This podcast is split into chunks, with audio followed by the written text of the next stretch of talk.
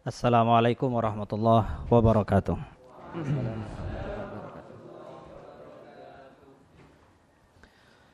Alhamdulillahi rabbil alamin wa bihi nasta'inu ala umuri dunya waddin wassalatu wassalamu ala asyrafil anbiya wal mursalin sayyidina Muhammadin wa ala alihi wa ashabi ajma'in amma ba'du Rabbi shrah li sadri wa yassir li amri wa hlul 'uqdatam min lisani yafqahu qawli Yang saya hormati jajaran majelis keluarga Pondok Pesantren Sidogiri juga yang uh, saya hormati mobil khusus pengasuh Pondok Pesantren Sudogiri, ke Haji Ahmad Fuad bin Nur Hasan, juga yang saya hormati Direktur ACS Ustadz Ahyad Ahmad, juga moderator Ustadz Hasanuddin dan para peserta hadirin yang sudah hadir di majelis ini. saya bahagia malam ini. Kenapa? karena di depan saya saya melihat eh, anak-anak uh, yang muda ya masih umurnya masih belia ya masih polos-polos gitu ya ya setidak ya setidaknya kalau nggak polos dipolos-polosin ya ya masih muda tetapi uh, bahasanya sudah level serem gitu. bahasanya sudah serem ya. Bahas ikhtilaf antara Asy'ariyah dan Maturidiyah. Ini pembahasan serem ya. Kenapa pembahasan serem? Karena uh, sedikit yang memang uh, membahas itu secara dalam. Yang sampai belajar ke tahap ini memang sedikit tidak banyak. Nah, saya bahagia seandainya kenapa saya bahagia melihat jenengan ini karena seandainya dengan jenengan di usia muda seperti ini terus belajar belajar belajar belajar uh, besar kemungkinan di antara jenengan ini ada yang bisa lebih alim dari saya besok-besok ya kalau belajar kalau ditinggal ya lupa ini kan kan begitu cuman kan begitu jadi uh, sewaktu jadi santri Waktu jadi santri, semua hal itu harus dipelajari. Meskipun itu dianggap termasuk bagian dari ilmu yang katanya Ustaz Ahya tadi kurang berguna di luar. semuanya harus pelajari, pelajari saja semuanya sudah. Karena Anda tidak tahu. Anda akan ditempatkan di tempat mana besok ketika sudah terjun di masyarakat. Nggak tahu tahunya kok tempatnya malah ilmu ini gitu kan. Tahunya malah di sini. Ya sudah. Nah saya nggak pernah menyangka dulu waktu mondok kalau ternyata ilmu saya yang menyebar paling luas itu ilmu kalam. Nggak nyangka. Saya itu bukan jurusan ilmu kalam. Bukan. Secara uh, umum jurusan utama saya fikih di pondok ya aktivis basul masail bahas fikih kemudian uh, kuliah S1, S2, S3, syariah, fikih semua. Tidak ada, tidak ada ilmu kalamnya. Tidak ada ilmu kalamnya. Tetapi uh, di luar itu, saya suka baca ilmu kalam, sudah suka bahas ilmu kalam. Kenapa? Karena saya melihat orang yang bahas ilmu ini sedikit. Padahal ilmu ini sangat urgen. Kalau misalkan sekarang ya, bid'ah yang disebut ahli bid'ah sejati itu oleh ulama salaf siapa? Apakah orang yang berbeda dalam hal fikih atau berbeda dalam hal akidah? Akidah. Ulama salaf itu menyebutkan yang berbeda dengan fikih itu kadang disebut bid'ah. Memang kamu melakukan bid'ah. Kunut subuh itu bid'ah. Menurut seorang seorang sahabat. Menurut sahabat yang lain dilakukan. Tapi istilah bid'ah. Cuman Beda antara menyebut suatu perbuatan bid'ah dengan menyebut orangnya sebagai ahli bid'ah itu beda. Tidak semua orang yang melakukan apa yang disebut bid'ah orangnya menjadi ahli bid'ah. Kenapa? Karena istilah bid'ah itu umum. Kalau istilah ahli bid'ah khusus pada sekte yang menyimpang di dalam akidah. Itu kalau istilah salaf. Nah, saya melihat uh, di Aswaja Center, kebetulan saya di Aswaja Center dulu ya sejak awal uh, masalah salah satu masalah krusial dari uh, pendaku salafi wahabi-wahabi itu sebenarnya bukan kritik mereka soal uh, tahlilan, soal nggak mau muuludan misalkan, bukan. Masalah yang lebih krusial ada, masalah akidah. Loh, kok ini jarang diangkat? Seolah-olah, seolah-olah mereka itu ahlu sunnah. Padahal tidak ahlu sunnah sama sekali. Dalam hal akidah, gitu kan. Nah ini harus saya angkat karena jarang teman-teman yang angkat itu waktu itu jarang. Akhirnya ya sudah, jadilah sampai yang uh, sampai sekarang begitu kan. Saya malah lebih terkenal sebagai ahli kalam daripada ahli fikih. Meskipun sampai sekarang saya juga anggota LBM di uh, eh, PWNU Jawa Timur. Oke. Selain menjadi uh, anggota Soja Center juga di uh, tingkat Jawa Timur. Oke.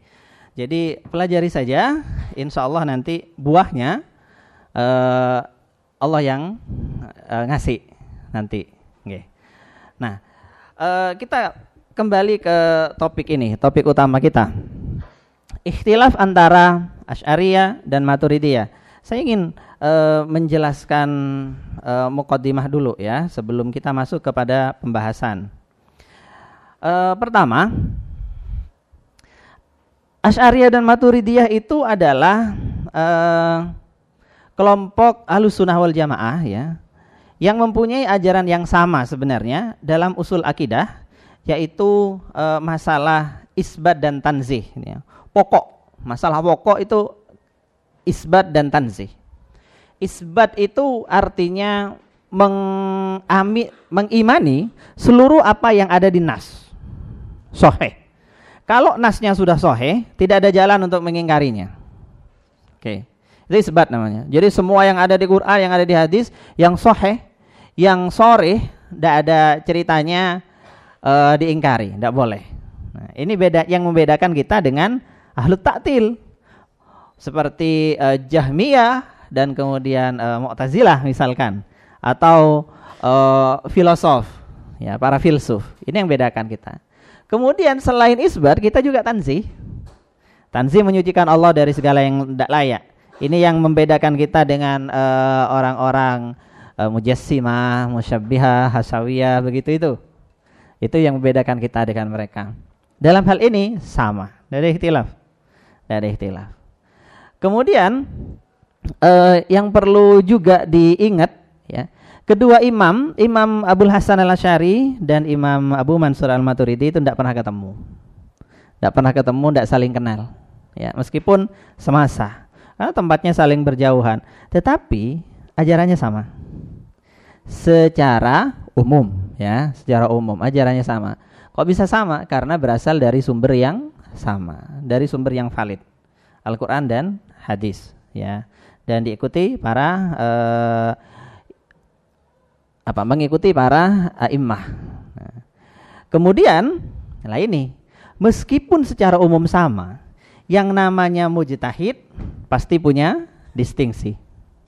Orang kalau sudah sampai derajat ijtihad, ya, maka dia tidak boleh taklid lagi. Haram baginya taklid. Dia harus mengikuti kebenaran yang dia yakini. Ketika sampai pada uh, titik ini, maka tidak ada satupun ulama di dunia ini dalam semua fan ilmu yang sama 100% pikirannya dengan dengan siapa pun bahkan murid dengan gurunya, jamaah atau uh, atba dengan imamnya, tidak ada yang sama 100%. Sebut saja semua. Dalam ilmu apa pun. Mau itu ilmu akidah, ilmu fikih, ilmu nahu, ilmu apa pun, pasti orang yang sudah levelnya tinggi pasti punya beda pendapat. Nah, akidah, ilmu akidah ini ilmu. Ilmu. Jadi bedakan antara akidah, akidah murni dengan ilmu akidah. Bedakan. Kalau akidah yang murni gampang. Allah satu misalkan. Ya jangan. Allah maha mendengar, maha melihat, maha mengetahui. Selesai kan? Selesai. Anda belajar akidah nggak perlu sampai berapa semester ini nggak perlu. Satu kali pertemuan selesai akidah Islamnya. Percaya kepada Allah, kepada malaikat, kepada Rasul, selesai. Hari akhir, percaya pada uh, surga, neraka, percaya, percaya, selesai akidah. Selamat. Selamat. tapi itu bukan ilmu akidah, belum. Itu hanya akidah, uh, akidah murni yang harus pokoknya yakini saja, selesai.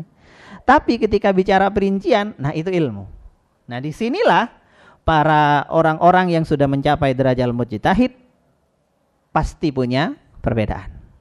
Pasti. Karena nggak boleh taklid, itu masalahnya. Nah ini, jadi wajar sebenarnya. Wajar, terjadi ikhtilaf. Jadi kalau ada orang yang bilang begini, orang bilang begini, misalkan uh, di pelajaran-pelajaran dasar biasanya, para imam semuanya dalam akidah itu sama. Ya, ini in, umum aja untuk anak kecil.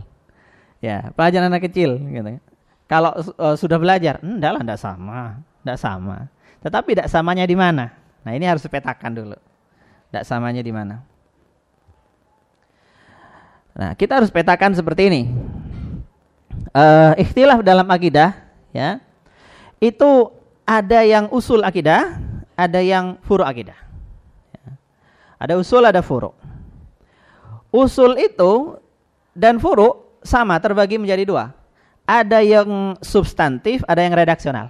Substansi, maknawi, ya, ada yang reaksional. Nah ini yang tadi reaksional itu lafdi. Ini yang tadi disinggung oleh moderator. Ah, karena masing-masing itu punya uh, substansi dan redaksional, substantif dan redaksional, mak hukumnya beda-beda. Kalau dalam usul akidah yang substansi sebenarnya tidak ada. Tidak ada. Tidak ada perbedaan di antara alusunah wal jamaah. Kenapa? Karena kalau substansi itu uh, dalam usul itu masuknya ke takfir dan tabdi. Takfir dan tabdi. Kalau redaksional, namanya juga redaksional sebenarnya tidak ada perbedaan, hanya beda laf, lafad. Kemudian ada dalam furu akidah. Furu akidah. Furu akidah itu memang ada yang substansi, ada yang redaksional. Yang substansi itu yang namanya kita bilang ihtilaf, beda pendapat. Ya di sini. Substansi tapi dalam hal furu. Substansi tapi dalam hal furu. Kemudian yang redaksional ya namanya redaksional tidak berbeda. Nah, tadi sudah disebutkan salah satu contoh yang menarik tentang iman. Oke, tentang iman. Ada memang memang ada beberapa kasus pernyataan dari para uh, ulama yang keras, keras. Seolah-olah itu masuk ke usul akidah yang substansi. Sehingga muncul istilah takfir dan tabdi. Memang ada, tapi itu kasuistik. Kasuistik. Setelah ditahrir, setelah ditahrir, nggak masuk sana sebenarnya. Masalah itu tidak layak masuk ke bab itu. Masalah itu cuman masuk substansi di masalah furu. Setelah ditahrir. Secara dohir kelihatannya memang e, substansi di usul, tapi secara ketika dibahas dengan seksama, enggak, enggak, enggak di situ sebenarnya sehingga nggak pantas kalau keluar pernyataan takfir dan tabti. Lo gimana terus yang ada itu? Hotok gitu aja. Ya hotok. Ya nggak perlu kita ikuti. Loh banyak, banyak yang begitu itu banyak. Bukan hanya di kalangan kita, bukan di di semua, semua, semua. Uh, Imam Syafi'i misalkan, Imam Syafi'i nasnya itu banyak dinukil yang mengafirkan mujassimah. Hmm, banyak mengafirkan mujassimah uh, di Asbah Munadhair ada, kan? Di Tasniful Masami Imam Zakaria uh, Imam Zarkasi ada, kan? Uh, nukilan dari Imam Syafi'i kafirkan. Tapi kan setelah ditahrir enggak lah, enggak, enggak, enggak sampai kafir, ahli bid'ah gitu kan. Imam Ahmad mengafirkan.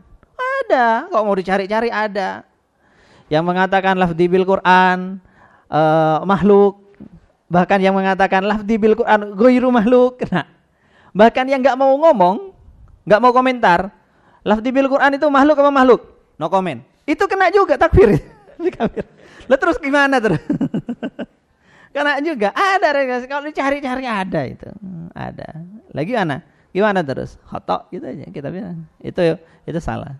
Nggak ikut. Kita kita nggak usah ikuti. Itu kasuistik kasuistik. Tapi secara umum ajaran mereka kalau diambil e, garis besar secara umum, enggak. enggak. Bukan itu, bukan itu. Jadi ada beberapa kasus tertentu saja yang e, ya masuknya di satu dari ah mungkin sehingga muncul uh, istilah yang uh, sampai ekstrim itu. Oke. Okay. Kalau Imam Syafi'i lagi yang terkenal itu dengan uh, Hafiz Mu'tazili. Nah, itu oh keras sekali. Keras sekali komentar-komentarnya. Oke. Okay. Kita tidak ikut yang keras-keras itu. Kenapa? Ya, ya ketika ditahkik sebenarnya nggak pantas di uh, sampai dibegitukan misalkan. Oke, ini. Lalu uh, kenapa kok bisa terjadi perbedaan? Ya. Nah ini faktor-faktornya. Ada kalanya mereka itu berbeda dalam mendefinisikan suatu istilah. Ya. Jadi memang definisinya sejak awal beda. Kalau definisi sudah beda, berarti tasawurnya beda. Tasawur beda berarti hukumnya beda. Ya ini ini masalah utama ini. Beda definisi. Seolah-olah sama, bahas hal yang sama. Sebenarnya membahas dua hal yang berbeda. Cuman istilahnya aja sama. Karena beda definisi. Nah, ini yang uh, akan kita coba uh, nanti bahas uh, kasus-kasusnya, contoh-contohnya satu-satu. Uh, kemudian ada beda sudut pandang. Memang beda, cara pandangnya itu memang beda.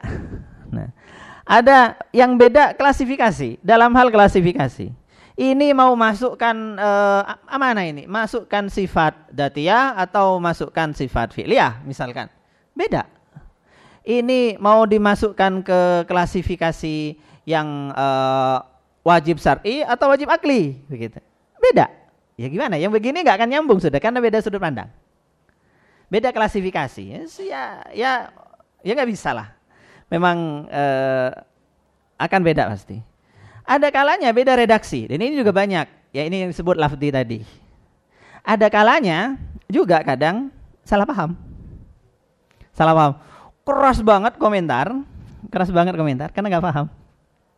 Karena nggak paham. Misalkan uh, ada seorang imam uh, Maturidiyah ya, yang mengatakan Asy'ariyah itu uh, apa? Oh, diserang habis. Kata-katanya pedas sekali. Disesat-sesatkan karena uh, katanya Asy'ariyah itu menafikan sifat fi'liyah. Mulai kapan Asy'ariyah menafikan sifat fi'liyah? Pasti uh, mengkerut kita dengar, oh, gitu kan. ya, salah paham. Salah paham. Itu biasa, itu biasa. Seperti yang tadi itu, ana mukminun insyaallah gitu kan. Nah, itu kan Syafi'iyah kan oh, enggak masalah gitu kan uh, iman itu iman itu uh, makhluk apa bukan? Gitu kan? Sebenarnya masalahnya tidak serumit itu. Oke, kita akan bahas contoh-contoh itu sebentar lagi. Jadi malam ini ini sebenarnya mau sampai jam berapa sih?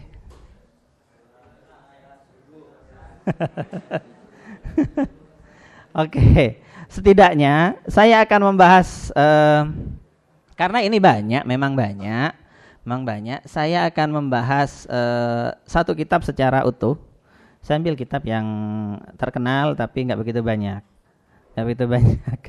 Tadi kan jumlahnya memang beda-beda ya. Jumlah perbedaannya itu berapa sih? Menurut Abu Adabah, ya Abu Adabah uh, di dalam Rodotul Bahiyah itu ada tujuh masalah redaksional, ada tujuh masalah substantif.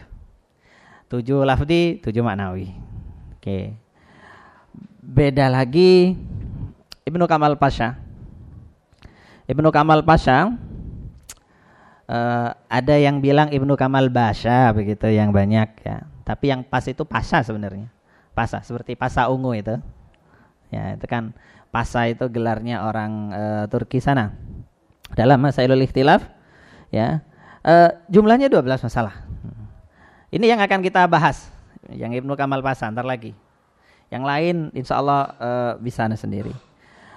Menurut Syekh Zada, ya, Syekh Zada dalam uh, Nadmul Faraid, ya, Wajamul Fawaid, jumlahnya itu ada 40 masalah. Hmm, makin banyak nih. Ada juga tadi uh, Al-Bayadi tadi disebut ya dalam Syaratul Maram 60 masalah. Sampai 60 ada juga yang mengatakan uh, Syekh uh, Mas Jizadah namanya. Mas Jizadah tulis orang Turki tulisannya kalau ditulis Arab itu agak repot karena yang mati dua. Sin sama tak mati semua. Bacaannya masjid. Zada. Uh, itu dalam al-masalik fil khilafiyat jumlahnya 50 dia dia dia membagi, dia membagi. Jadi kritik Maturidiyah ke Asy'ari itu 59 masalah. Kalau Asy'ari ke Maturidiyah kritiknya 52 masalah katanya. Ya oke okay lah. Terus sisanya gimana? Ya sisanya ya udahlah nggak tahu gitu. nah ini macam-macam. Tadi juga disebutkan uh, siapa? Suyuti. Ya, is, Ibnu Asakir dan lain-lain. Beda-beda. Oke. Okay. Uh, ini yang saya sebut di sini adalah yang membahas secara khusus, secara detail. Ya kitab-kitabnya ya ini sudah kitab-kitabnya yang banyak dirujuk yang di atas. Ini. Kalau di yang kitab-kitab lain ada dibahas. Di beberapa kitab Asy'ariyah, di beberapa kitab Maturidiyah ada pembahasan ini dibahas, tetapi tidak detail, tidak khusus di untuk pembahasan ini gitu maksudnya. Oke. Okay. Uh, eh, kenapa kok beda-beda? Lah ini juga. Namanya juga ijtihad kan? Mereka juga nggak saling ikut, nggak saling taklid. Akhirnya mereka beda pikirannya. Jadi, apakah satu masalah ini layak dimasukkan ke masuk ikhtilaf atau enggak? Yang satunya oh ini layak masuk, pokoknya beda bunyinya masuk. Yang satu, oh enggak lah, ini terlalu redaksional, nggak usah dihitung. Oke.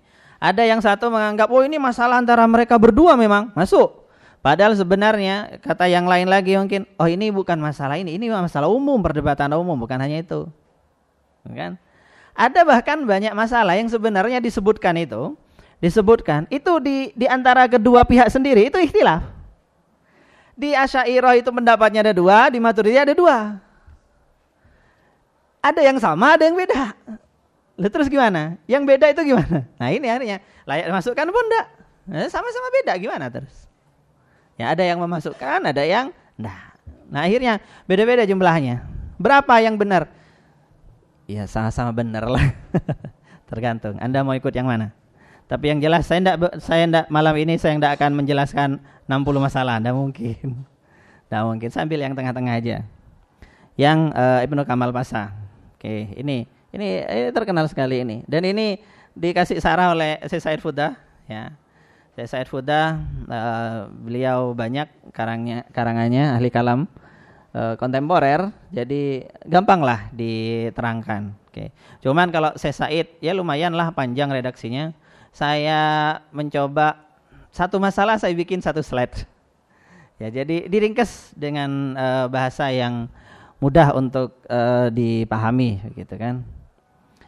Ya, urusan paham benaran atau enggak itu urusan lain. Oke, okay. yang pertama, sekarang kita masuk ke masalah pertama yang dibahas di uh, Ibnu Kamal Pasa. Takwin, misalkan. Ini ini tema yang oh, terkenal sekali nih, takwin ini. Takwin itu gimana sebenarnya? Nah, di sini disebutkan uh, Asy'ariyah menyebutkan takwin itu sifat hadisah. Artinya bukan sifat datiyah, tidak melekat kepada dat, termasuk sifat fi'liyah seperti ijad, irzak dan lain-lain. Oke, paham ya sampai sini? Uh, Maturidiyah itu termasuk sifat kodimah yang melekat pada dat seperti kudroh iradah lainnya. Oke.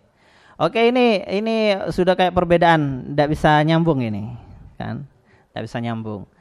Uh, sebenarnya kalau kita baca kitab-kitab Asyairah sendiri, uh, takwin takwin. Itu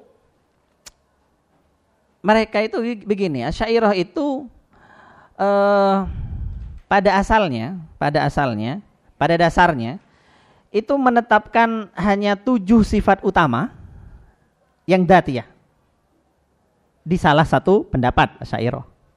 Karena kenapa? Ini klasifikasi ya, klasifikasi ilmiah. Bukan bukan berarti yang lain bukan sifat, yang lain ada sifat. Tapi sifat yang dati ya itu tujuh. Salah satu pendapatnya. Yang dipakai di uh, ya pendapat Imam Abdul Hasan al Syari salah satunya. Kemudian pendapat lain dari Imam Abdul Hasan, pendapat lain dari Imam Abdul Hasan, yang datiah itu bukan hanya itu, tapi uh, banyak hal, banyak hal lain, seperti yadun masuk, masuk datia Tapi gimana? Maknanya lebih khusus dari kudroh. Gitu kan masa. Ada banyak perincian. Masa jadi ini ini ikut yang datiyah itu yang wajib tujuh, yang wajib. Yang lain berarti nggak masuk wajib, gitu aja berarti. Nah, kayak gini, ini perbedaan yang cukup tajam sebenarnya, e, karena yang satu bilang hadisah, yang satu kodimah. Terus gimana sebenarnya? Ash'ariyah menjadikan takwin itu sebagai ta'aluk dari kudroh. Kudroh.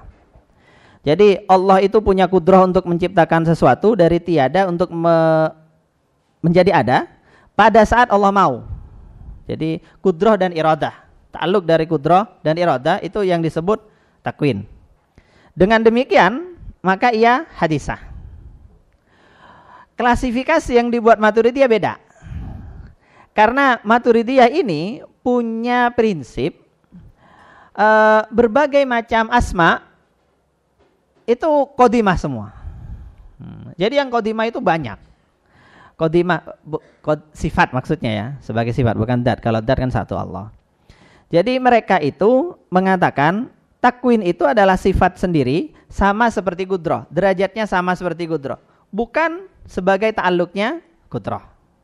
Begitu aja. Beda klasifikasi.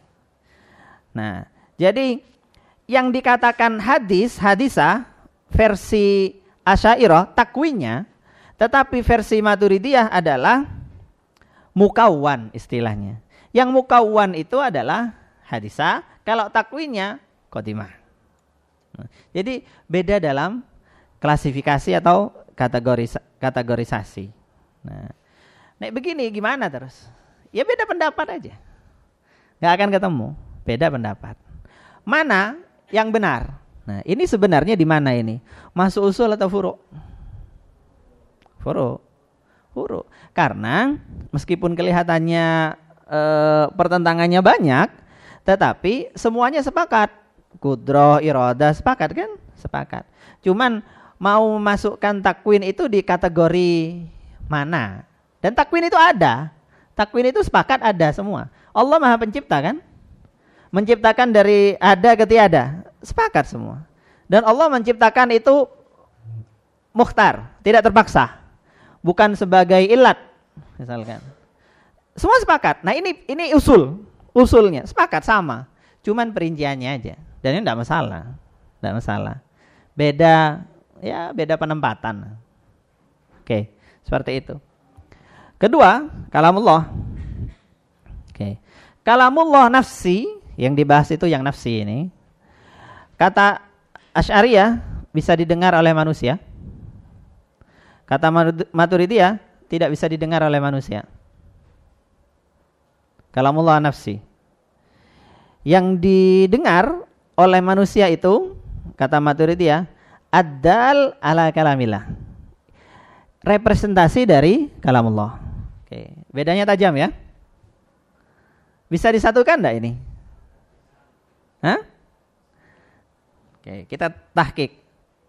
Sebenarnya kenapa kok beda? Karena definisinya beda. Definisi dari didengar. Didengar. Semuanya sepakat bahwa kalamullah itu kalamullah an-nafsi itu ada. Kalamullah itu bukan suara, bukan huruf, sepakat. Sepakat. Sepakat. Kalamullah an-nafsi bukan suara, bukan huruf, itu sepakat semua. Ini usul. Furuknya bagaimana? Nah terus yang didengar oleh makhluk, oleh uh, ambia, ya, oleh malaikat, itu apa? Apakah mendengar kalamullah yang nafsi itu atau sesuatu yang lain? Di sinilah mereka beda pendapat. Yang dimaksud didengar versi Ash'ari, pokoknya segala informasi yang nyampai sampai ke uh, benak sami ya meskipun tidak berupa suara dan huruf itu disebut didengar. Versi Maturidi yang namanya didengar itu harus sesuatu yang berupa suara dan huruf. Akhirnya kalamullah nafsi karena bukan suara dan huruf berarti tidak didengar ya beda di situ beda mendefinisikan kata didengar gimana uh, perinciannya. Kalau menurut Asy'ariyah ya, uh, Allah itu berkalam dengan kalam nafsi, tidak ada suara, tidak ada hurufnya, tapi bisa disampaikan kepada uh, makhluk yang dikehendaki. Tidak ada suara, tidak ada huruf, tapi bisa sampai. Gimana itu? Kalau anda tahu telepati, tahu telepati, istilah telepati, orang yang nggak nggak ngomong, tetapi orang lain bisa tahu, gitu kan? Atau cerita wali-wali, ada orang diem pikir apa, walinya dengar. Suara hatinya didengar. Pernah tahu? Banyak kan? Banyak. Lah itu istilahnya didengar apa tidak? Versi Asyairah itu didengar. Kalau versi Maturidiyah bukan didengar, diketahui. didengar itu harus berupa suara dan huruf. Oke. Akhirnya beda. Tapi keduanya sebenarnya sama, dalam usul sama. Oke, paham? Jadi versi uh, Maturidi, Maturidi Allah itu kalau apa? berkalam, berkalam, berkalam itu apa ya? Membuat ada suara dan huruf yang bisa didengar oleh manusia. Suara dan huruf. Mutakalimnya tetap Allah. Itu kalam, kalamullah. Tetap. Jadi istilah kalamullah ini mustarok antara kalamullah an-nafsi dan kalamullah yang lafdi. Sama-sama kalamullah. Sama seperti inilah sebenarnya. Misalkan saya nelpon orang, saya nelpon orang. Yang didengar orang itu suara saya apa suaranya HP? Suara saya apa suara HP? Suara HP, orangnya nggak dengar suara saya yang jauh. Yang didengar itu suara HP. Yang bunyi kan HP-nya. Kalau HP-nya rusak, saya bengok-bengok gimana pun ya nggak kedengar. Kan begitu. HP-nya bersuara. Mirip suara saya. Nah, suara HP itu adal ala kalami. Kalamnya kalam siapa? Kalam saya yang nelpon. Jadi kalau kalau misalkan saya nelpon uh, kalian, tolong misalkan saya bilang ambilkan air, maka Kesimpulannya, sampean kalau cerita ke orang lain, pasti akan bilang, eh, Gus Wahab bilang ambilkan air. Tidak akan mungkin ada yang bilang, eh, HP-nya bilang ambilkan air. Ya kan? Tidak ada. Ini, jadi begitu. Uh, apa bedanya di situ? Bedanya. Jadi ada ada kritik, ada kritik. Kalau Maturidi ini ada ada mirip-miripnya dengan Mu'tazilah. Karena Mu'tazilah kan Allah itu menciptakan suara dan huruf memang. Menciptakan suara dan huruf di luar tercipta. Orang bilang, "Loh, kalau suara dan huruf itu keluar dari benda, berarti mutakalimnya benda." Kalau misalkan eh, dalam kasus Nabi Musa ada suara, suaranya kan dari pohon. Di Quran itu kan suaranya berasal dari arah pohon. Innani anallah Berarti mutakalimnya pohonnya. Pohonnya yang minta yang mengaku Allah misalkan. Oh enggak, mutakalimnya tetap yang membuat suara itu terdengar. Gitu. Paham? Ya, oke. Okay. Ini uh, cuman apakah uh, kalamullah makhluk? Gak boleh kita bilang kalamullah makhluk. Kita bilang kalamullah bukan makhluk, boleh enggak? Tidak akurat. Boleh tapi tidak akurat. Istilah sunnahnya yang resmi begini. Kalau uh, oh ya, kalau kalau kalamullah makhluk gak boleh. Yang Al-Qur'an makhluk apa bukan? Istilah alus sunnahnya begini. Al-Qur'an adalah kalamullah dan kalamullah bukan makhluk. Jadi Al-Qur'an adalah kalamullah, kalamullah bukan makhluk. Bukan Al-Qur'an itu makhluk atau Al-Qur'an bukan makhluk karena beda beda. Ada ada ada detail yang nggak sama. Kalau kita bilang Al-Qur'an itu tanpa menyebut kalamullah, Al-Qur'an itu makhluk, salah apa tidak? Salah apa tidak? Eh, ada benar, ada salah. Ini ada ikhtilaf ini. Ya, ikhtilaf antara ACS. Bedanya di mana? Definisikan dulu. Yang dimaksud Al-Quran apa? Kalau yang dimaksud Al-Quran itu kitab yang biasa kita pegang itu, makhluk atau bukan? Mencetakan pabrik jelas makhluk kan. Kalau anda bilang itu yang kita pegang itu, kita lihat itu cetakan pabrik itu terus bukan makhluk, hebat dong. Ada bukan makhluk yang bisa kita pegang. Apa holik? Begitu kan? Kalau itu yang dimaksud mushaf, ya makhluk lah. Kalau yang dimaksud Al-Quran adalah kalamullah, bukan makhluk. Kalamullah yang nafsi. Hmm, nafsi. Kalau yang lafdi, yang lafdi itu ketika sudah dibaca oleh orang disuarakan. Su suaranya makhluk apa bukan? Makhluk. Suaranya makhluk, kalamnya bukan makhluk. Jadi kalau misalkan saya baca begini. Bismillahirrahmanirrahim. Alhamdulillahirabbil Yang Anda dengar itu makhluk apa bukan? Hmm, perinci yang Anda dengar itu ada dua. Ya, kalian mendengar dua. Kalian mendengar suara saya, suaranya Wahab, makhluk. Karena saya makhluk. Ya. Suara saya pasti makhluk. Kalau ada yang bilang Wahab itu makhluk, tapi suaranya bisa jadi bukan makhluk. Itu ya, itu perlu diservis itu orangnya. tapi kalamullah yang saya baca bukan makhluk. Oke, beda ya? Beda. Jadi begitu aja sebenarnya. Jadi ini masalah beda definisi, definisi. Tapi dalam masalah usulnya sama sepakat, sama sepakat. Oke. Terus ya istilah mustarok. Masalah tiga, hikmah. Ini sama seperti masalah uh, takwin, sama. Asy'ariyah bilang sifat hikmah dalam arti ilmu diterima sebagai sifat dati Allah karena ilmu itu salah satu sifat ya. Tapi dalam arti berbuat bijak atau ihkam maka masuk dalam kategori sifat fi'liyah. Oke.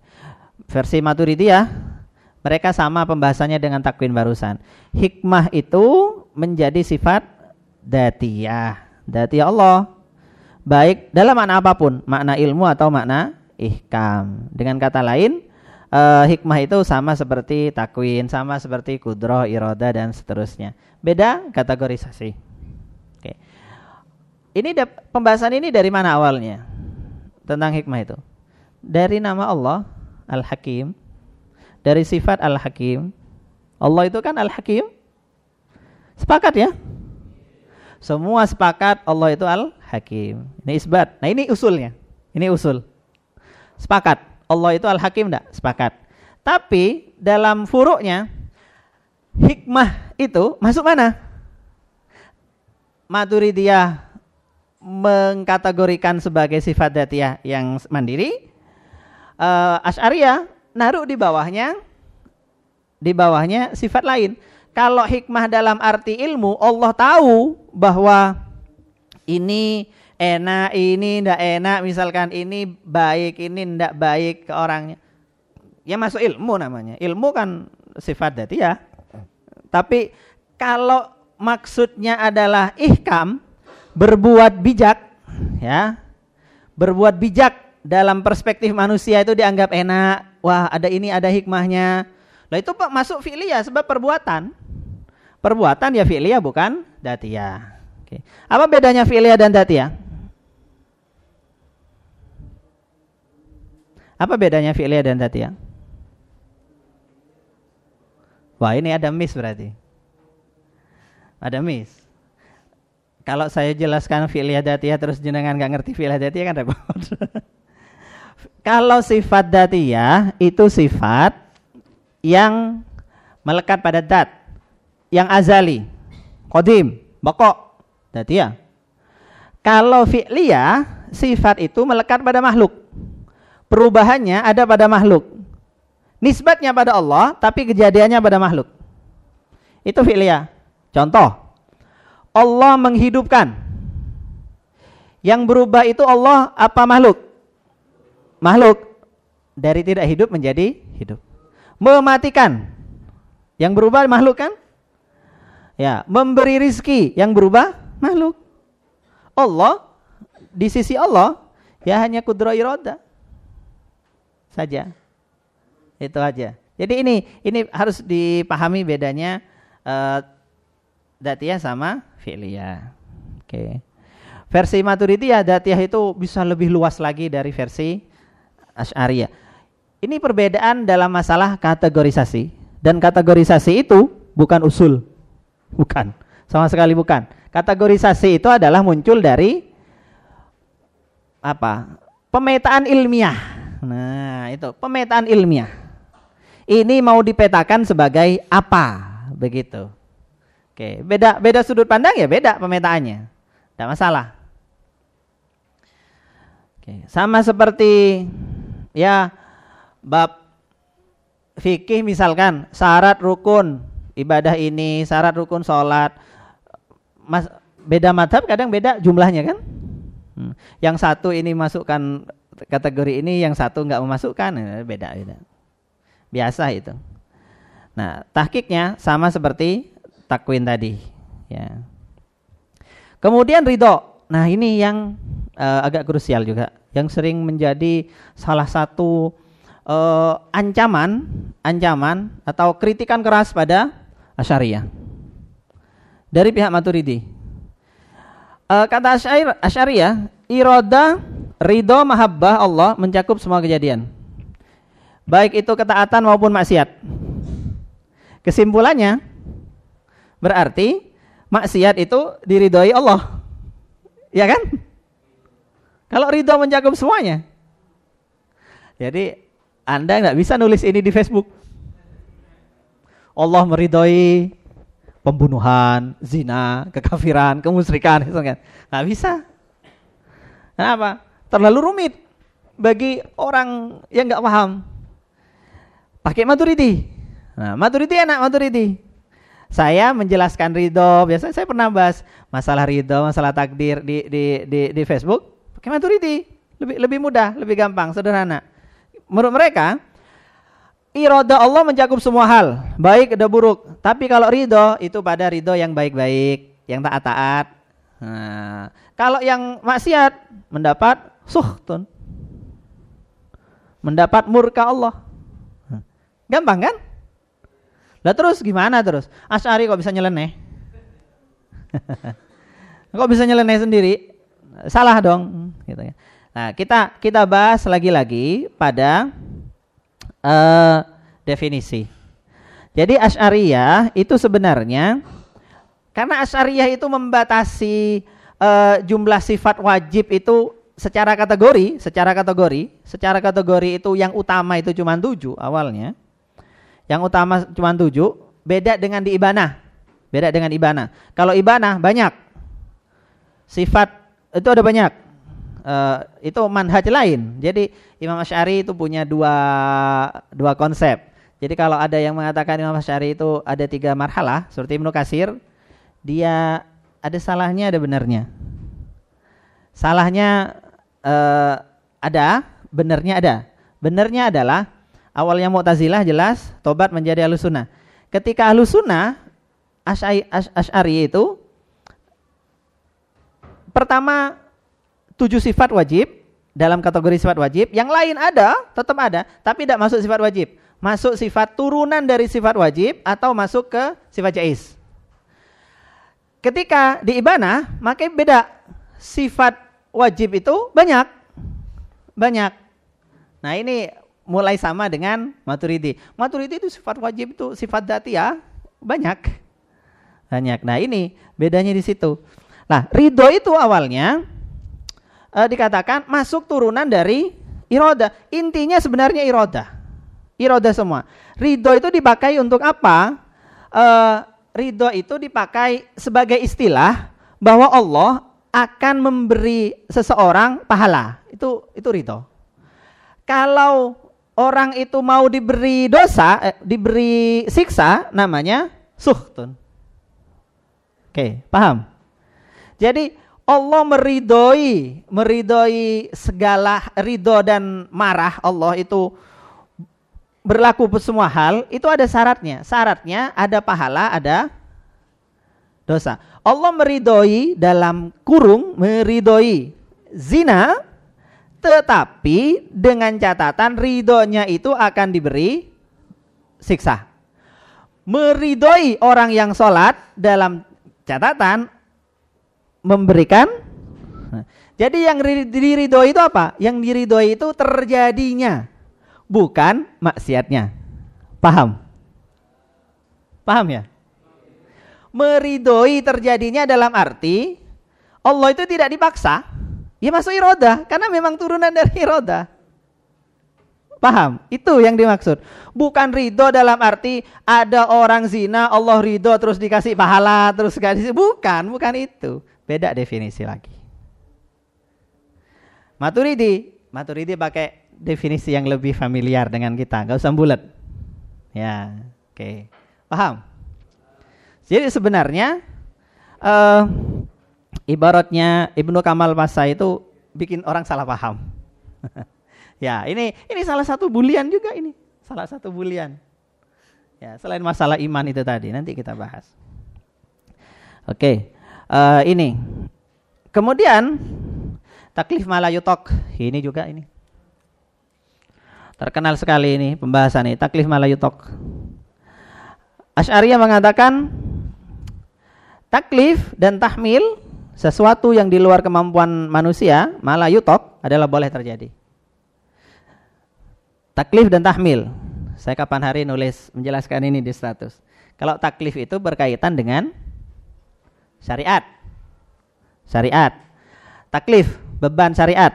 Orang yang kena beban namanya siapa? Mu mukallaf.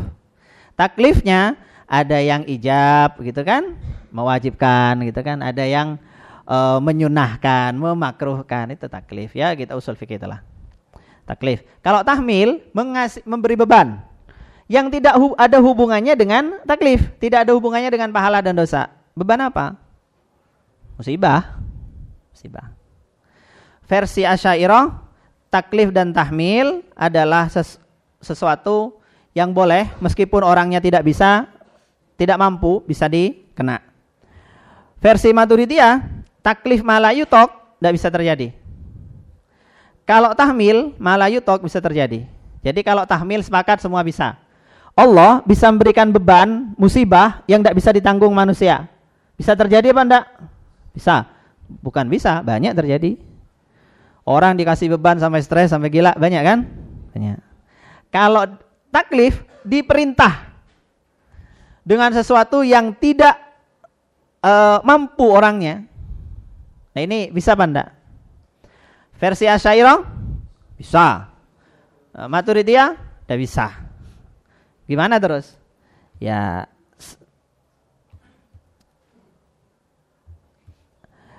Masalahnya begini.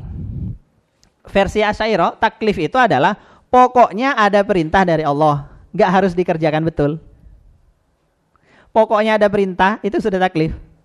Kalau versi Maturidi yang dinamakan taklif adalah memberikan perintah supaya dikerjakan betulan. Jadi tidak mungkin ada malayutok. Tapi kalau versi Asy'ariyah, pokoknya merintah. Boleh saja kan sekedar merintah. Namanya juga perintah. Guru aja, gak usah, gak usah, gak usah ruwet, Guru aja kalau sudah marah ke muridnya, kadang merintahnya nggak masuk akal. Ya kan? Perintah. Yang nggak mampu nggak mampu itu suruh panjat itu kelapa itu orangnya nggak bisa manjat. Jadi pokoknya nyuruh aja. Murid-muridnya sudah dibawa cuman gini-gini ya sudah itu sudah dilakukan. Begitu itu. Anak orang tua ke, ke anaknya kadang nyuruh nyuruh nggak masuk akal kalau sedang marah. Oh ya apa kayak disuruh apa gitu kan kadang. Nah itu kan taklif. Allah boleh, boleh, bisa saja. Seandainya mau, boleh saja. Versi Maturidi, ya ndak lah. Mosok memberikan perintah yang nggak bisa dilakukan, apa terus berarti? Kan main-main namanya. Nah, karena beda dalam mendefinisikan taklif. Aslinya beda apa enggak? Ya enggak beda sebenarnya. Sebenarnya enggak ada perbedaan yang krusial di sini. Sama aja, cuman beda dalam mendefinisikan. Oke. Dan juga kalau ditanya Terjadi apa enggak taklif malayutok itu? Enggak terjadi. Ini cuma perbedaan teoritis saja. Secara wakiiyahnya terjadi apa enggak? Enggak terjadi. Oke. Oke. Dan taklif ini karena taklif maka masuknya ya hukum taklifi dohir. Tidak usah dihubungkan dengan takdir. Nah, yang ruwet itu kalau ada yang menghubungkan dengan takdir sehingga muncul pertanyaan. Uh, Abu Jahal itu ditaklif masuk Islam. Tetapi Abu Jahal sudah dinas eh Abu Lahab ya, sudah dinas masuk neraka. Ya kan? Surat Al-Lahab. Itu kan berarti taklif malah hitok gitu kan. Ini karena dia menghubungkan urusan taklif dengan takdir. Taklif itu gak ada hubungannya dengan takdir. Ya salah sendiri menghubungkan ke sana. Akhirnya ruwet sendiri. Oke. okay. Uh, eh, baik dan buruk. Kata Asy'ariyah, baik dan buruk hanya dapat diketahui melalui syariat. Tidak ada pahala dan dosa tanpa syariat. Konsekuensinya apa? Konsekuensinya nggak ada pahala dan dosa tanpa syariat. Kalau tidak ada syariat, maka perbuatan manusia tidak ada hubungannya sama pahala sama dosa. Boleh semua, mubah semua. Dia mau nyembah berhala, nggak disiksa. Aturannya belum, nggak ada. Versi Maturidiyah, oh enggak, baik dan buruk itu, ya, dapat diketahui oleh akal tanpa bergantung pada syariat. Konsekuensinya apa? Orang yang tidak uh, mendengar risalah atau sewaktu risalah Nabi belum turun, kok ada yang nyembah berhala, maka dia dosa. Kenapa? Kok ada yang tidak percaya Tuhan, dia dosa. Kenapa? Karena akal, dia sudah dikasih akal untuk membedakan mana baik, mana buruk. Hmm. Mana yang lebih masuk akal? Asari atau Maturidi? ya syari nah, ya karena di depan saya syari semua. Ya. Oke. Okay. uh, eh, sebenarnya masalahnya di mana? Ya. Ini Mu'tazil Maturidi ini ada mirip-miripnya dengan uh, Mu'tazilah sebenarnya dalam hal ini. Tetapi tetapi kalau Maturidi itu tidak mewajibkan sesuatu atas Allah. Kalau Mu'tazilah mewajibkan jadi hukum akal mereka, hukum akal mereka digunakan Allah itu pasti menghukumi begini juga sebab akal menghubungi begini. Nah, itu yang bikin ahli bid'ah di situ bedanya. Jadi kalau ada yang bilang oh, maturiti sama dengan Mu'tazilah, enggak ada beda, enggak sama, beda. Oke. Terus tahkiknya gimana? Sebenarnya masalah ini terkait dengan pahala dan dosa sebenarnya. Dan itu mahalut tifak.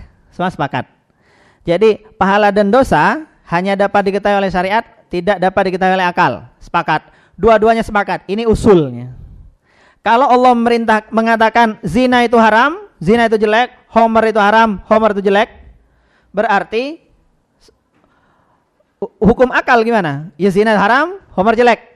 Sepakat, sepakat. Disiksa, disiksa. Sepakat, sepakat. Ya ini sudah.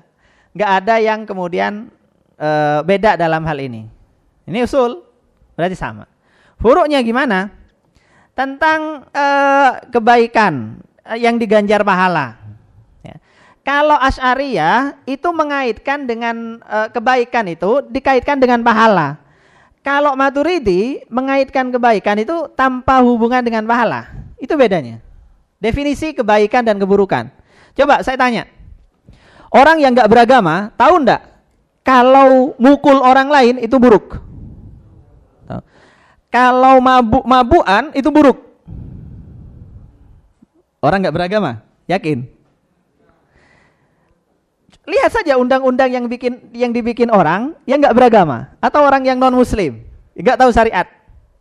Ada kebaikan-kebaikan kebaikan universal kan? Nah, itu yang dipakai maturidi, kebaikan universal. Bodoh itu baik apa buruk? Pinter itu baik atau buruk? Baik. Ya ini, ini maturity pakainya yang ini. Ash'ari pakainya nggak gitu. Itu semua kan cuma selera pasar. Yang disebut baik dan buruk itu sebenarnya cuma masalah kenikmatan atau kepentingan. Dan orang beda-beda. Contoh, minum Homer. Baik atau buruk? Kalau Anda tanya orang Eropa, minum Homer itu baik, nggak minum itu buruk. Orang Eropa sana, musim dingin, minum Homer. Termasuk yang Islam juga banyak minum Homer. Kenapa? Karena kalau nggak minum Homer, ya, Homer itu minuman standar yang ada di warung-warung, itu beku. Uratnya ini beku. Homer itu berguna untuk salah satunya menghangatkan badan supaya badan itu nggak membeku di suhu yang ekstrim. Salah satunya. Baik atau buruk? Nah, kan? Kan? Beda kan? Beda. Lah terus beda-beda orang. Telanjang, baik atau buruk? Telanjang baik atau buruk? Ya tergantung. Tergantung kepentingan dan kenikmatan. nah iya kan? Bagi siapa dulu? Bagi siapa dulu? Bahkan kalau misalkan bagi Anda sekalipun perempuan telanjang baik atau buruk? Baik atau buruk? Pakai aturan syariat, wes. Baik atau buruk? Buruk. Iya, tapi kalau istrinya sendiri nggak pernah buka, ya buruk. ya kan? Baik atau buruk? Nah, itu kan beda-beda. Kata orang barat, ada di barat itu ada al al aliran, ya, paham namanya nudism. Aliran telanjang. Versi mereka, kondisi ideal manusia itu tidak pak tidak pakai pakaian. Pakaian itu bikin gak sehat karena mencegah sinar matahari. Oh ini iya betul. Ini ajarannya memang, ajaran mereka. Nudism. Idealnya itu manusia nggak pakai pakaian. Ya, jadi pakai pakaian itu hanya untuk kebutuhan ya biar nggak gatel lah, biar nggak terlalu panas lah, biar apa? Eh, ya sekedar itu. Kondisi idealnya nggak pakai, karena itu lebih sehat, lebih sehat. Makanya mereka punya waktu-waktu khusus untuk telanjang di pantai, di apa. Mereka punya komunitas-komunitas. Itu pakaian terus, pakai pakaian terus buruk. Buruk. Versi mereka. Oke. Versi kita ya sesuai syariat lah, kan? Sesuai syariat. Dan sesuai kepentingan juga. Nafsu juga kadang yang dipakai. Ya kan biasa urusan ini di dilihat apa dosa nggak dilihat mubadir gitu. urusan. Nah itu kan mempengaruhi baik atau buruk. Lah, berarti berarti kata Asy'ari baik dan buruk ini nggak bisa dinilai pakai akal karena akal itu ucapannya cuman kepentingan. Hmm. Mencuri baik atau buruk? Buruk bagi yang dicuri, katanya malingnya. Uh, sukses ini, kita harus tasakuran. Kan begitu. ini jarahan malam ini sukses besar. Ayo kita tasakuran. kan Bisa saja, baik. Kan begitu. Jadi nggak bisa pakai akal, pakai syariat, versi Asy'ari. Karena Asy'ari itu baik buruk dikaitkan dengan hukum taklifi. Jadi otomatis harus syariat. Nah, uh, Maturidi pakai yang universal, nggak nggak ada, ya nggak nggak bergantung pada syariat. Nah, tapi nanti ada buntut masalahnya, buntut masalahnya. Kalau nggak ada Rasul, kalau nggak ada Rasul gimana? cara cara membuli Asy'ari ya yang enggak sepakat berarti menurut Asy'ari ya sebelum ada Rasul orang nyembah berhala nggak apa-apa ya kan ya kalau mau dicari istilah jelek-jeleknya kan begitu istilah jelek-jeleknya nyari Nah, begitu seolah-olah gitu. Padahal maksudnya ya nggak gitu-gitu juga. Ada nggak disiksa, tapi kan nggak disiksa memang. Kalau nggak ada syariatnya kan belum, ya belum, belum disiksa makdur kan? Enggak enggak tahu syariat, tinggal di hutan misalkan, enggak pernah dapat dakwah kayak Tarsan. Seandainya Tarsan itu ada kan makdur. Ya, Tarsan yang asli. Belum ketemu si perempuan itu. Karena ketika sudah perempuan kan jadi orang manusia itu kan. Nah, beda itu sudah. Oke, kayak gitu. Jadi ya itulah. Kita bisa maklumi sudut pandang masing-masing. Terus, tujuh. beruntung atau celaka? Syakiyun au sa'id. Ini beda juga nih. Katanya syariah, seorang tidak disebut beruntung, sa'ada, ya, atau celaka sakawah kecuali melihat kondisi akhir hayat. Ya. Karena kondisi ini tidak berubah. Jadi eh, celaka dan sa'ada itu hanya bisa dilihat akhir hayatnya saja. Mati Islam atau mati kafir. Jadi tidak ada ingkilap perubahan dari status Said atau Saki. Kalau orang itu celaka ya celaka seterusnya, Said ya Said seterusnya, versi Asyairah. Versi Maturidiyah, kadang orang celaka itu jadi beruntung, orang beruntung jadi celaka. Loh, kok bisa beda? Kok bisa beda? Ya, karena Asyairah itu yang dilihat cuma titik akhir, titik akhir itu terjadi sekali, matinya. Maturidi melihat awalnya waktu masih hidup. Mati hidup, orangnya Islam, eh mati kafir. Nauzubillah. Berarti kan awalnya Said terus Saki. Kan? Ada kalanya orangnya awalnya celaka terus kemudian tobat, maksudnya dia masuk Islam. Kan ada. Berarti orang celaka dan e, tidak celaka itu bisa berubah. Kata Sairo udah bisa berubah. Bedanya sudut pandang. Patokannya beda. Oke. Istilah seperti ini nggak penting. nggak penting banget. Ini uh, masuk uh, lafdi. Karena keduanya sepakat kalau orang yang mati kafir itu celaka. Orang matinya mati baik, husnul khotimah, Said. Lah itu usulnya ini. Ya berarti sama, nggak ada perbedaan. Redaksional aja. Oke. Masalah 8. Kata Syairah, secara rasional atau akli, aklan dapat diketahui bahwa bisa saja Allah memaafkan kekafiran, tapi tidak terjadi secara sam'an. Oke.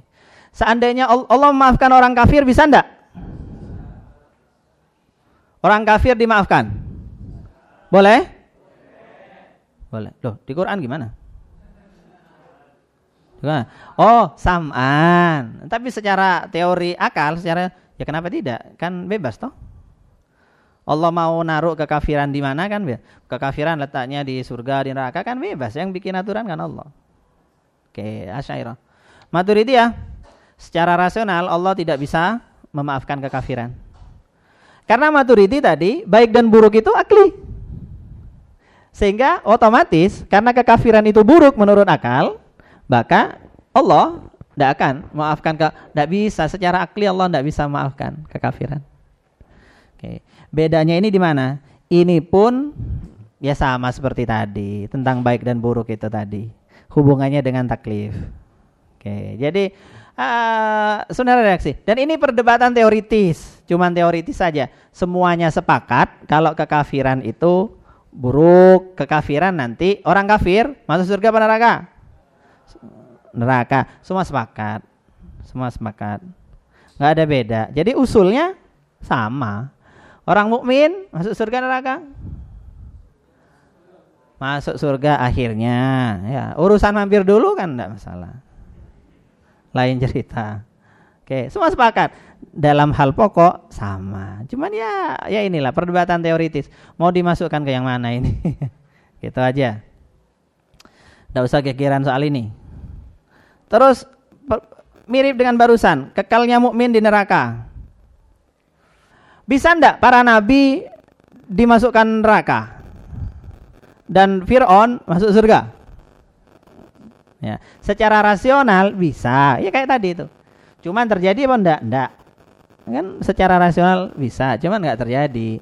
Secara sam'i, enggak. Menurut Maturidi, secara rasional enggak bisa. Ya cocoklah kayak kayak barusan istiqomah. Karena Maturidi begitu man manhajnya. Nah ini bedakan secara sam'i dan akli. Bedakan. Oke, secara uh, akli, secara akli bisa ndak?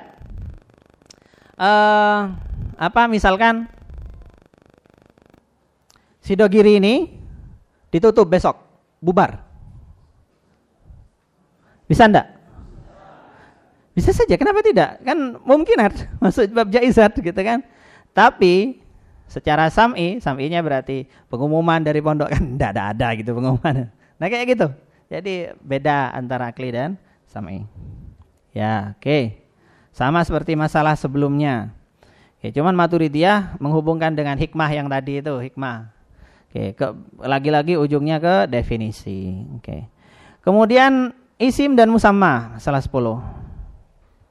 Asyairah isim dan musamma beda. Al ismu ghairul musamma. Maturidi isim dan musamma sama. Jadi boleh-bolehnya juga itu.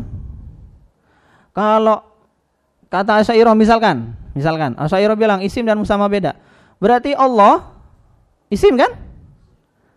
Musamanya apa? Ya Allah. Gitu kan. Berarti orang yang bilang la ilaha illallah misalkan gimana ini? Berarti nyembah isim gitu kan. Nah, itu kan beda-beda lagi. Uh, ya semua bisa dijadikan bahan bulian kalau mau dari istilah-istilah ini. Tapi kalau pikiran kita bukan pikiran konflik, ya ndak. Lihat dulu apa. Asyairah sendiri mentafsir. Sebenarnya mentafsir. Maturidiyah sendiri sebenarnya juga mentafsir. Ini apa lo ini apa ini masuk ini? Ya ini memang ada yang beda terus dibenturkan gitu aja. Oke, gimana secara tahqiq? Sebenarnya beda sudut pandang ya. Kalau dari sudut pandang e, bahasa, keduanya berbeda. Kalau dilihat objeknya, keduanya itu antara isim dan musama, beda. Isim dan musama kan beda. Nama. Ini namanya apa? Santri. Kan? Air minum santri. Air mineral santri. Musamanya? Air. Air. Bukan aqua. Aqua itu isim yang lain. Nah, yang lain. Oke. Okay. Uh, eh, musamanya air. Secara bahasa beda, tapi objeknya air minum santri mana? Ini. Air air airnya ya ini. Sama kan? Ini ini saja. Jadi mau melihat sebenarnya beda ya dari satu sisi ya beda dari sisi yang lain sama gitu. terserah mau diperpanjang bagaimanapun gitu. tapi uh, sebenarnya kalau ditahkik, ditahkik, ini tahkikannya ya. Untuk kasus asma Allah ya, isim yang dibahas Allah itu diperinci. Ada nama yang menunjukkan, ada isim yang menunjukkan musamma. Allah misalkan. Allah nama. Musammanya ya dan Allah itu. Sama kan? Berarti isim dan musamma sama. Ada nama isim yang menunjukkan sifat dari musamma bukan menunjukkan datnya, tapi menunjukkan sifat dari musamma. Contoh, Rahman, Ar-Rahim, Al-Qadir, Sami, Al-Basir. Itu kan? Berarti menunjukkan sifat. Sifat itu bukan mausuf. Berarti isim bukan musamma. Ya, tapi juga bukan hal lain. Karena gitu. Terus ada nama yang menunjukkan tindakan fi'il dari musamma. Contoh, Al-Khaliq, Ar-Razik, Al-Muhyi, Al-Mumit. Nah, oh ini masuk ke fi'liyah. Fi'il itu bukan bukan musamma. Karena fi'il itu kan uh, hadis fi'il itu kan terjadinya had, hudus. Musammanya qadim. Nah, berarti bukan. Nah ini, jadi sebenarnya di kalau mau tahqiq, isim dan musamma sama atau beda? Lihat dulu isim yang mana, musamma yang mana. Nah, kan gitu. Ini kasusnya. Kalau paham ini kalau sudah ditahkik begini, semua akan sepakat. Oh iya ya, semua akan sepakat. Oke. Jadi kadang perbedaan yang muncul itu perbedaan karena begini, dilihat satu sisi aja, pokoknya ada nggak sama gitu, langsung. Oh berarti beda saya maturidi. Begitu. Oke. Um, ini lagi. Kelelakian Nabi. Apa maksudnya? Nabi itu harus lelaki atau tidak? Ada enggak Nabi perempuan?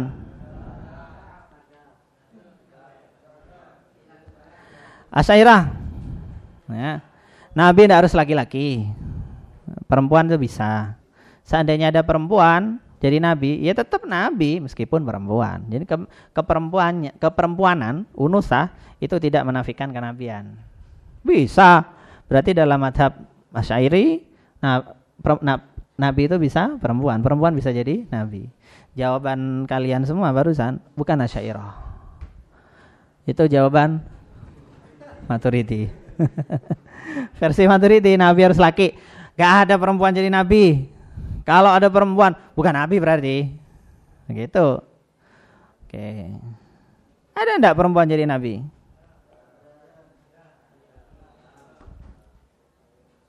Hmm, pertama, uh, ada catatan di sini. Yang diperdebatkan adalah kenabian bukan kerasulan. Kalau kerasulan, rasul itu wajib laki-laki. Semua sepakat, dua-duanya. Kalau kenabian, nabi kan tidak harus tablik. Bisa untuk diri sendiri, dapat wahyu, simpan sendiri untuk diri sendiri kan bisa. Nah ini yang boleh perempuan. Kalau rasul tidak ada, sepakat. Terus kemudian perempuan yang dianggap nabi, ya ini dia. Ummu Musa di Quran ada kan? Fauhaina ila Ummi Musa. Nah kan ada. Diwa, aku memberi wahyu pada Ummi Musa. Ayo, yang bilang siapa? Allah. Terus Siti Maryam, Asia, Sarah, Hajar. Uh, Siti Hajar ya, Hawa. Ini dia. Menurut sebagian ulama, nabi-nabi perempuan. Nabi ya, bukan rasul. Nabi-nabi perempuan. Oke. Okay. Gak setuju, ya nggak masalah nggak setuju. Namanya juga beda pendapat. Ya, oh itu bukan, oh itu bukan. Nah, ya terserah, begitu. Namanya juga beda. Nah, bedanya di mana ini? Uh, lihat, secara rasio ada ndak hubungannya antara wahyu dan jenis kelamin? Nggak ada kan? Bisa saja wahyu dikasih ke jenis kelamin apa pun. Bisa. Secara rasio. Rasional sisi akli ini yang dipakai oleh Syari. Kenapa? Apa memangnya secara akli kenapa kalau perempuan kenapa? Tidak masalah, tidak ada hubungannya. Tidak ada hubungannya. Nah, terus ya ini cuman pendapat uh, Asy'ariyah ini lemah secara dalil. Nah, secara dalil, dalil-dalilnya lemah semuanya. Sehingga banyak Asy'ariyah sendiri nggak pakai.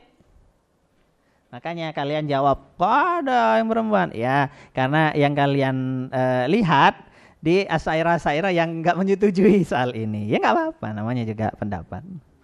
Ya, karena memang lemah, dasarnya lemah. Karena Asy'ariyah itu pakai dalil-dalilnya menabikan mereka semuanya itu Pokoknya dapat wahyu, istilahnya wahyu secara umum, wahyunya berupa apa aja, nabi berarti. Gitu.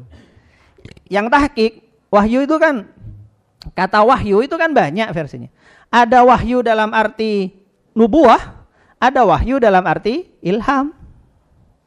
Ya, ini perempuan-perempuan ini wahyu dalam arti ilham, bukan bukan wahyu dalam arti nubuah. Atau wahyu dalam arti diberitahu oleh malaikat. Allah memberitahukan kepada malaikat suruh bilang ini gitu kan Siti Maryam kan ngobrol dengan malaikat Jibril apa berarti dapat wahyu ya dapat ya obrolan dengan malaikat gitu aja. Bukan berarti diangkat jadi nabi. Tapi kan perkataan Allah kan yang dinukil malaikat Jibril? Mirip. Mirip kan? Mirip. Tapi di gini ada bedanya antara diajak bicara malaikat dengan diangkat jadi nabi. Nah, cuma di, di di ajak bicara sama malaikat banyak banyak kisah-kisah. Bahkan sahabat Nabi sendiri uh, Imran bin Husain itu di hadisnya kan ketemu malaikat mukhatabah dengan malaikat bukan nabi tapi nah oke okay. jadi begitu uh, terus kasab dan penciptaan nah, terakhir Asyariah. Ini masalah fi'il dan kasab. Apa bedanya? Fi'il adalah penciptaan secara hakikat, tapi kalau kasab adalah fi'il secara majas. Ini versi Asy'ariyah. Apa yang dilakukan Tuhan saja disebut khalaq. Ya, kalau dilakukan tidak hanya oleh oleh oleh Allah berarti disebut kasab. Ini versi Syairah. Versi Maturidi tindakan Tuhan fi'lullah ya disebut khalaq, tindakan manusia disebut kasab. Dan keduanya disebut fi'il. Ini masalah cuman masalah beda definisi fi'il itu aja kan? Nggak masalah, nggak masalah. Jadi uh, keduanya sepakat bahwa yang menciptakan dari tiada ke ada itu Allah sepakat. Sepakat pula bahwa manusia berkasab. Ini usul.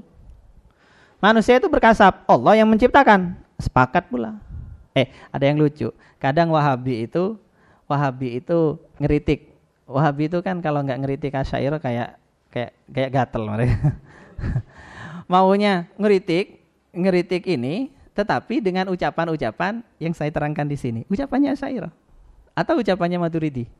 Sisi penciptaan itu bagi Allah yang uh, yang bukan penciptaan itu dilakukan manusia. Nah, itu kan sama. Itu kan teori kasab kan begitu. Hmm. Sama lah, persis. Persis. Oke. Bedanya redaksi fa'il. Jadi karena fi'il itu sebenarnya berangkat dari begini, dari pertanyaan sederhana sebenarnya. Kalau ada kejadian, kejadian, tindakan, sesuatu yang melakukan itu Allah apa manusia sih? Saya sedang presentasi. Kan tindakan kan? Yang presentasi ini sebenarnya Allah atau Wahab?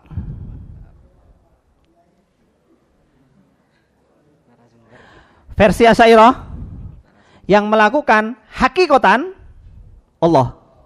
Karena Allah yang membuat saya ada di tempat ini saat ini bicara seperti ini saat ini. Kalian mendengar saya, Allah yang membuat kalian ada di sini, yang membuat suara saya kedengaran oleh kalian. Allah semua. Kita ini secara majas disebut bertindak majasan, bukan hakikotan. Versi Asairo.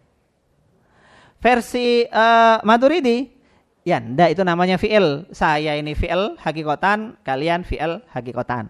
Bedanya apa? Bahasa. Enggak, enggak, enggak ngefek. Contoh bahasa. Karena secara usul sama semuanya. Oke. Paham ya? Oke, ini masalah terakhir. Ada lagi menurut Ibnu Adabah, ini bisa dibaca uh, sendiri dah. Ada yang redaksional, ada yang substantif. Oke. Dan uh, silakan baca sendiri biar nggak malam. Intinya kalau kita mau tidak membentur-benturkan, pakai pikiran yang dingin, keduanya itu pasti sama kok. Tidak mungkin ada yang tidak isbat atau tidak tanzih tidak mungkin. Ada yang sengaja menyelisih Quran hadis itu tidak mungkin. Buka pikiran itu, maka gampang untuk menempatkan semua masalah ikhtilaf. Saya kasih contoh terakhir yang tidak disebut di sini. Tidak disebut di sini uh, masalah iman. Makhluk apa bukan? Iman makhluk apa bukan? Ya, mana sebenarnya? Sebenarnya simpel. Itu semua awalnya apa? Awalnya tergantung definisi iman. Kalau yang dimaksud iman itu adalah imannya Allah. Allah itu kan al-mu'min. Tahu enggak? Allah itu al-mu'min. Tahu kan? Al-mu'min artinya apa? Beriman. Allah itu beriman. Al-mu'min. Allah itu bersyahadat. Gimana syahadatnya Allah? Loh. Gimana syahadatnya Allah? Kan sudah baca tiap selesai sholat itu. Syahidallah anna itu syahidallah annahu la ilaha illa huwa. Allah bersaksi, Allah bersyahadat. Karena itu Allah itu al mukmin. Kalau yang dimaksud mukmin iman, beriman imannya ini al mukminnya Allah, makhluk atau bukan? Ini memang yang disebut yang bukan makhluk itu ini. Kalau yang dimaksud iman itu imannya saya, kalian semuanya. Iman ini kan fi'il. Fi'il kita kan? Al imanu apa? Kan? Meyakini dalam hati, kan begitu. Nah itu kan fi'il semua. Makhluk kau bukan? Sepakat ya? Nah, iya. Usul lagi dah banda. Mengkafirkan banda. Tidak perlu. Karena cuma sebenarnya cuma masa di situ. Sederhana aja. Loh kok terus yang dulu-dulu itu kok sampai ekstrim kata? Ya biasa. Kalau kalau baru muncul pembahasannya selalu begitu, selalu geger. Pembahasan waktu di awal-awal itu selalu geger yang bisa berpikir jernih itu ketika sudah lama. generasi berikutnya baru oh sebenarnya kan beda sudut pandang oh ini di sini oh ini di sini ya sudah selesailah. Begitu kan? Itu. Kalau masih awal-awal ada istilah baru ada pom oh masih dengan definisi masing-masing. Ya begitulah memang. Akhirnya muncul ilzamat-ilzamat yang oh ini kafir oh ini biasa. Si awal-awal